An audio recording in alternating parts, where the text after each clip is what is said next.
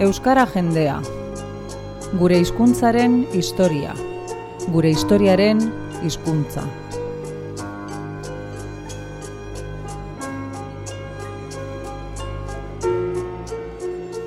Izen bereko liburuaren egile den samar ikertzaileak, Bilboidia irratearekin solasean, pasarte laburretan, aurkeztu eta azalduko diguna.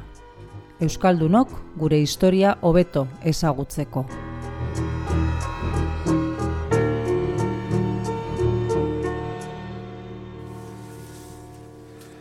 Gaurkoan, ledofen itxasontziko gutunak. Tira ba, lagunok, beste egun batez, e, xamarrekin e, gabiltza, ba, Euskara jendea liburutik e, pasarteak minutu laburretan, minutu gutxitan e, jorratzen, eta gaurkoan, amazortzigarren, emezortzigarren mendera joko dugu, gutunak, gutun batzuk, aipatzeko, hain zuzen ere, xamar, itxasontzi batetik berreskuratu direnak. Bai, e, aski historia bitxia da, zen funtzean da e, postetxean bialitako gutunak dira, ez? E, kontua da ledofen izeneko itxasontziak utzi zuela baionako portua mila zazpirion da berroita mazazpian, eta abiatu zen Kanada aldera. E, bakizuean e, frantsesek badutela menpeko zuten lurralde bat, eta ara abiatu zen itxasontziak e, kebekera, eta e, zamaen artean edo eramaten zituen artean ba, gutunak zeuden. Ez dakigu zer gertatu zitzaion e, itxasontziari, ez da bertan ez joan jendeari, baina bai zer gertatu den e, e itxasontziko gutun hoiekin, nola bait e, ingalaterrara heldu baitziren, eta aiei esker, nola bait e, gauza asko ikus dezakegu, ez da? Euskararen, beraren e, lekukotasun eukitzeaz gain, hor pentsa daiteke, E, gutun asko baitira, ez da? E, ezen bat dira? Bai, iruroita mar. Iruroita mar, gutun. Ba, inbeste izanik, pentsa daiteke ez dela kasualitatea, eta hor zijoa zen Euskaldunek, ohitura zutela Euskaraz idaztea, emesortzigarren bai. Garren mendean. Hori da, ez, funtsian historia bitxia da, zen gutuneri hori guztia agertu da, e, inglesek Londresen duten artxibotegi nagusian, Eta agertzen dira, ba, nola, e, itxasontzi hortatik e, hartuak diren, ez?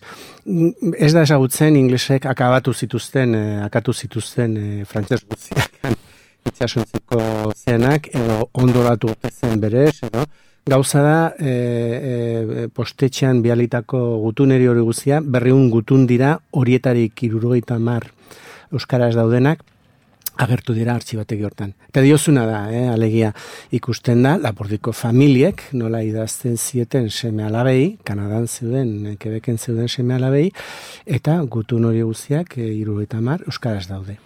Eta kuriosoa da, eta eta zer pentsatu ere ematen du gutun bat utzetik espaita idazten, eh? Hau da, ez badago tradiziorik, mm. ez badago formularik, alako erretorikarik, eta alako, ez dakit, nola bait, e, bueno, baleabiderik, baleabide literariorik ez badaukazu, ez duzu gutun bat idazten utzetik hasita eta irroita amarrozu zenbaki potoloa da. Beraz, han bazegoen humus bat, ez da, lapur dialde hortan, eta jendea eskolatua, alfabetatu, ez dagoen, nola bait? Hori da, garbi agertzen da, orain nigan ez dute publikatu e, gutunerio gainean egindako ikerketa, baina kontatu du gutenagatik, bueno, azteko ikusten da, lapurdi herri ezberdinetatik e, idazten zietela, izan da, eh?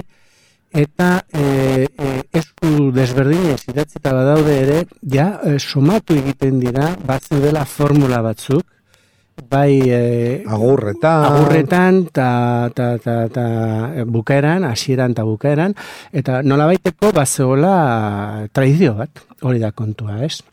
Eta diozuna hau ez da kasualitatea hau ez da kasualitatea zen badakigu e, iparraldean frantsesaren frantses hizkuntza eta kulturaren zamari gabe ze frantsesa oso berandu zabaldu bai zuten ba, Euskara garatu zen, garatu zen hizkuntza idatzia bezala, eta aski arruntzen aurkitzea jendea ba, bazekiena irakurtzen eta idazten e, Euskaraz.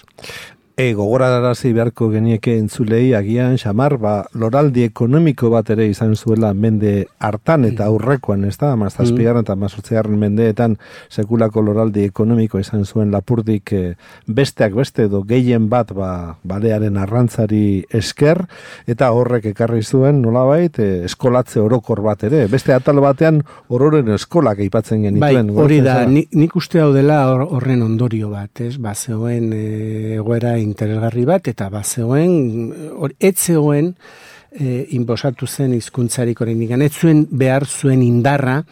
Egualdean ja jadanik gertatua zena. Espainolak bazuen e, indar bat hizkuntz komunitate gisari naiz. E, bazuena ba, ba gure e, idazle gure kultura alegia eskolatua zen jendeak bazekien euskaraz, baz, bargatu, erdaraz, espainoles.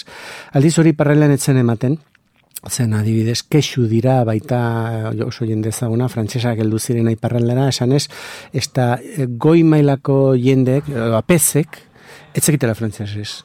Beraz, egoera hortan, e, Euskara garatu zen, edo garatu zuten, hizkuntza landu bezala.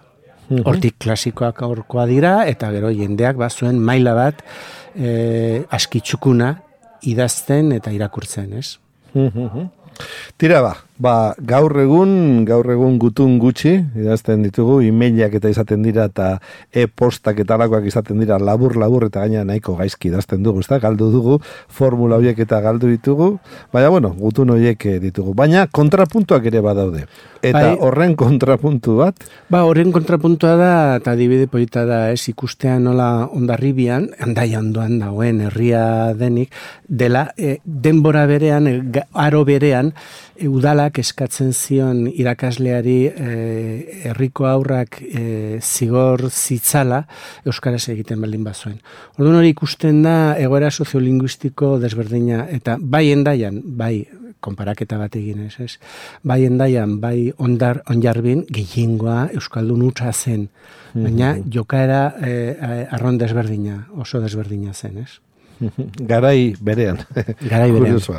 Tira balagunok, ba, onaino, minutu hauetan garatu dugun eh, gaia e, ledofen itxasontziko gutunak, berreun bat gutun itxasontzi batetik eh, eskuratuak izan direnak, haietarik e, irurogeita amar euskaraz idatziak daudela, eta zain geldituko gara, ez da, xamarze, azterketa ikerlan hoietatik ondorio oso politak, atera al izango dituzu. Ondorio, pol, ondorio politak eta alor desberdinetatik, zen bat da, izkuntzaren aurretik, ez, ikusi dugu formalki nola erabiltzen zen eta bar, baina bigarren e, ikuspegi batetik ere egiten ala azterketa eta da enografikotik alegia zer e, esaten zitzaien hango seme alabei, zer espero zen haien handik emezortzigarren mende, mende bete-betean, ez?